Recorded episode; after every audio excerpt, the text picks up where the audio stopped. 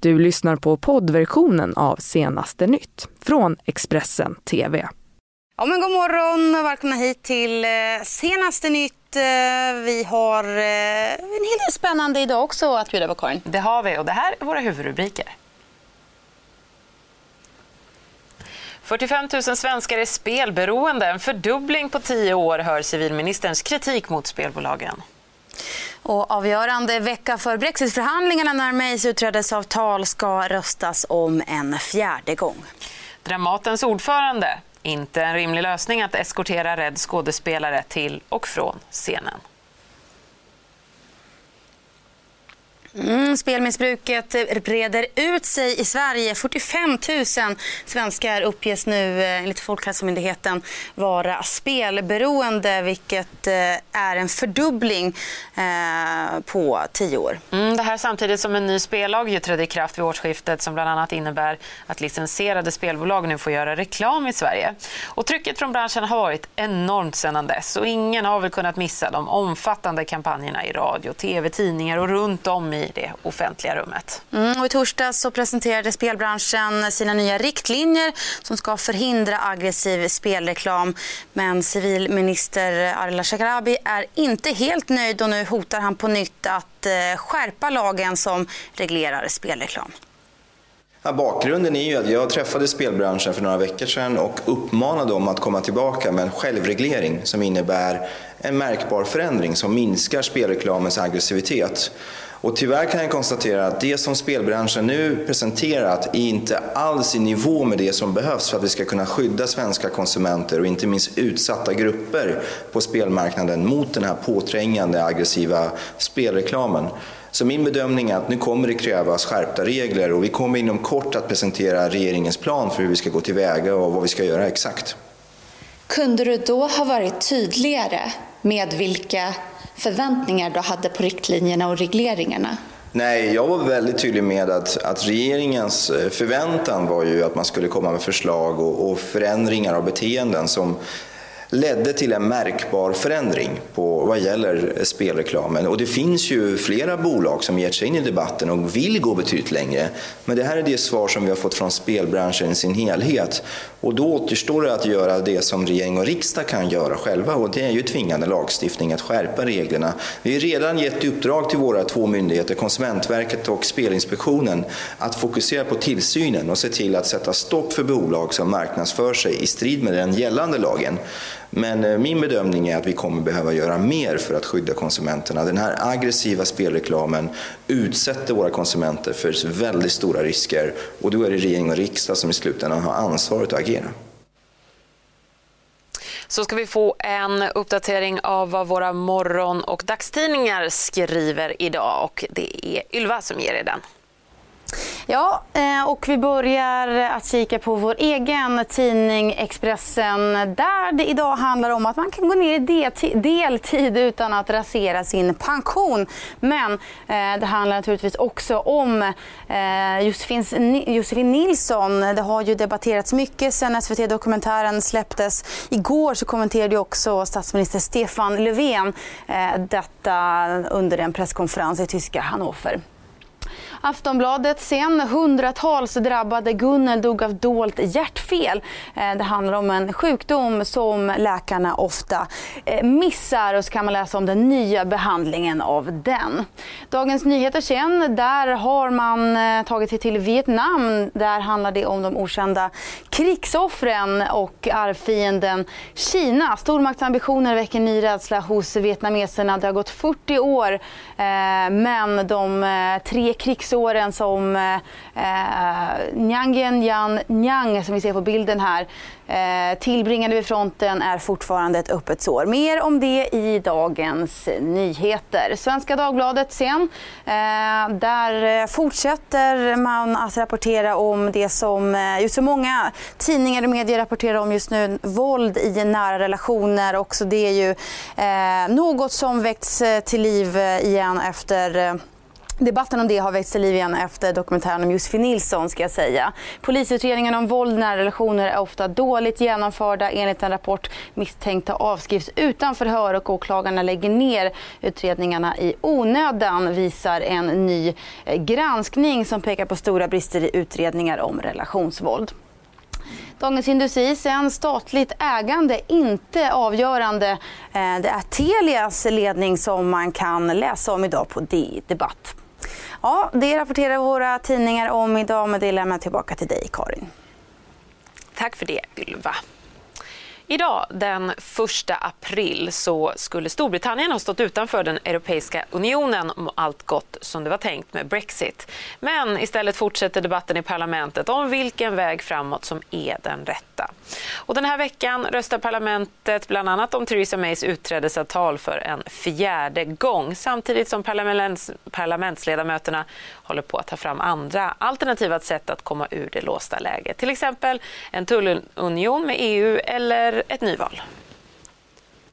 Mr Speaker, I fear we are reaching the limits of this process in this house. Med mindre än två veckor kvar till det framflyttade brexitdatumet är läget fortsatt turbulent i det brittiska parlamentet. Enligt Bloomberg har det konservativa Torypartiet börjat förbereda sig för nyval. En ny runda omröstningar om en väg framåt i förhandlingarna med EU ska ske under måndagen i hopp om att kunna få till ett avtal innan utträdet. Annars riskeras som bekant en hård Brexit. Något som vissa av Theresa Mays ministrar förespråkar samtidigt som andra säger att de kommer avgå om så blir fallet. On Monday, this House will continue the process to see if there is a stable majority for a particular alternative version of our future relationship with the EU. Of course, all of the options will require the withdrawal agreement. I onsdags röstade parlamentet om åtta möjliga sätt att fortsätta förhandlingarna om brexitavtalet. Alla åtta förslag röstades ner. Och på fredagen röstades Theresa Mays förslag till avtal ner ännu en gång med siffrorna 344 mot 286. Det här fick Europeiska rådets ordförande Donald Tusk att sammankalla ett akut EU-toppmöte den 10 april. Ja, mycket väntat att de sammankallar ett sånt efter beskedet här från det brittiska underhuset. För det som måste ske nu är ju bollen ligger hos London. Det är London och parlamentet, och regeringen som måste bestämma sig. Vad gör vi härnäst? Så till den senaste tidens uppmärksamhet och protester i kölvattnet av SVT-dokumentären om Josefin Nilsson och den misshandel hon utsatts för av en flitigt anlitad Dramatenskådespelare.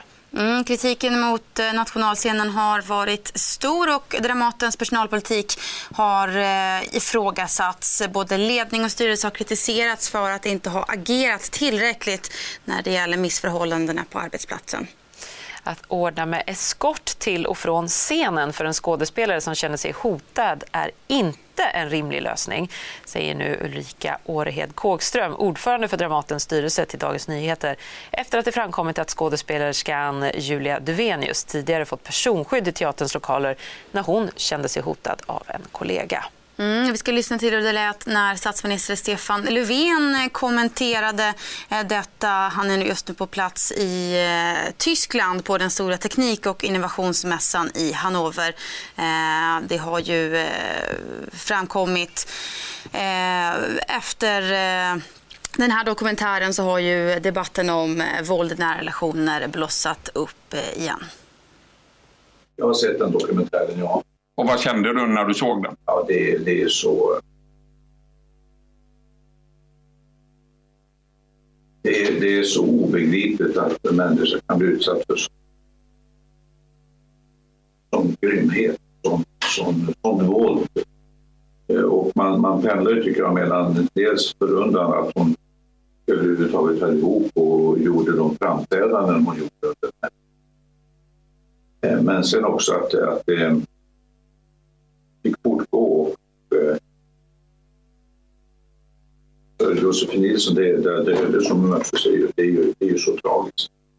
Eh, sen är det ju andra perspektiv på det där vidare och det är därför att det är bra att den här berättelsen berättas.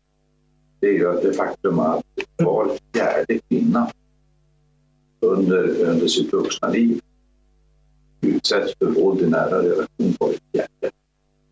Så ställer upp alla kvinnor i Sverige så hittar var fjärde vi faktiskt någon gång utsatt för våld i nära relation.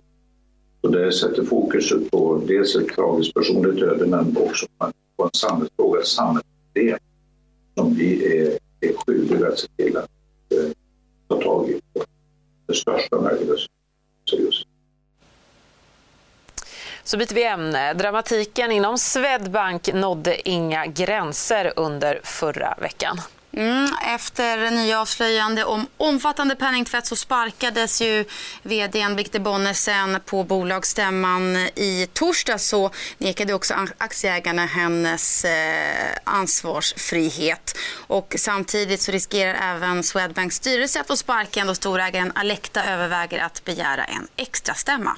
Och vi har träffat finansmarknadsminister Per Bolund som konstaterar att Swedbank inte arbetat tillräckligt med att förhindra penningtvätt och att man inte heller följt hans råd råd med att vara öppen och transparent med den information som banken har.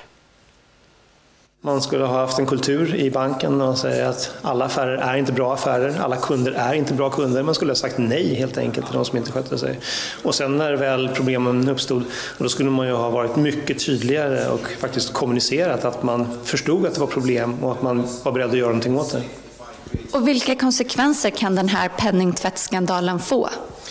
Det viktigaste är ju att förtroendet för Swedbank har rasat och därmed också värderingen av bolaget på börsen. Det är 60 miljarder kronor som har försvunnit av börsvärde. Men sen eh, har ju också Finansinspektionen inlett en undersökning och där har vi ju skärpt lagstiftningen så att det kan bli väldigt, väldigt höga böter för de banker som inte sköter sig. Så Böterna är på miljardbelopp. Sen pågår det dessutom en utredning från amerikanska myndigheter och även där kan det ju i värsta fall bli, bli höga böter. Så att eh, det kommer eh, att kosta för Swedbank. Vad förväntar du dig av Swedbank nu? Finns det något de kan göra för att rädda sitt anseende? Ja, nu måste man ju visa med full kraft att eh, det här är någonting som inte kommer att upprepas. Nu är det slut med att tvätta pengar för kriminella organisationer. Nu är det ett absolut nolltolerans för den typen av affärer. Och där förväntar jag mig att Swedbank nu kommer att komma med eh, väldigt konkreta åtgärder framåt. Du ska kalla Bankföreningen till möte. Vad vill du få ut av det mötet? Ja, där är det ju viktigt att eh, vi alla, men inte minst bankerna som ändå har huvudansvaret för att stoppa penningtvätt, att de nu drar lärdomar, att de förstår vad man behöver göra annorlunda och att man kommer med konkreta åtgärder. Eh, så här ska vi inte arbeta i framtiden, istället kommer vi att ha nya rutiner på plats. Det är det jag förväntar mig av, av bankerna. Eh, de måste ju också se riskerna med att man inte har ett tillräckligt bra arbete. Då förväntar jag mig att de nu också har svaren på hur de ska göra annorlunda så kan vi konstatera att det blev ett bakslag för den turkiske presidenten Erdogan i det turkiska lokalvalet igår som ju ger en fingervisning av hur hans stöd ser ut nationellt. Ända sedan 2002 har hans konservativa islamistiska AKP vunnit varenda val. Men igår fick Erdogan alltså känna sig besegrad både i huvudstaden Ankara och i landets största stad Istanbul. Den senaste tiden har den turkiska ekonomin haft stora problem. Inflationen och arbetslösheten är hög. Och förra året så tappade den lokala valutan lira mer än 30 procent av sitt värde vilket naturligtvis ledde till att regeringspartiet tappat i popularitet. Mm, och så ska det handla om någonting helt eh, annat. Det är nämligen så att vi har fått tråkiga nyheter. Rapparen Nipsey Hussle har skjutits till döds i Los Angeles. Det rapporterar nu CNN. Den här skjutningen inträffade på eftermiddagen igår lokal tid vid en klädbutik som rapparen hade ett samarbete med. Och ytterligare två personer ska också ha skadats i samband med den skottlossningen. Bara timmar innan mordet så gjorde Hassel en sista uppdatering på Twitter där han skrev att ha starka fiender är en välsignelse, något som fått stor spridning efter hans död. Efter nyheten om hans bortgång så strömmar nu också hyllningarna in från kollegor i branschen, från eh, artister som eh, Drake, Snoop Dogg och Rihanna. Nipsey Hussle blev 33 år gammal. Mm, och med det så avrundar vi den här nyhetsuppdateringen men vi är alldeles strax tillbaka. Du har lyssnat på poddversionen av Senaste nytt från Expressen TV. Ansvarig utgivare är Thomas Mattsson. Ett poddtips från Podplay. I fallen jag aldrig glömmer djupdyker Hasse Aro i arbetet bakom några av Sveriges mest uppseendeväckande brottsutredningar. Går vi in med hemlig telefonavlyssning och, och då upplever vi att vi får en total förändring av hans beteende. Vad är det som händer nu? Vem är det som läcker? Och så säger han att jag är kriminell, jag har varit kriminell i hela mitt liv men att mörda ett barn, där går min gräns. Nya säsongen av Fallen jag aldrig glömmer på Podplay.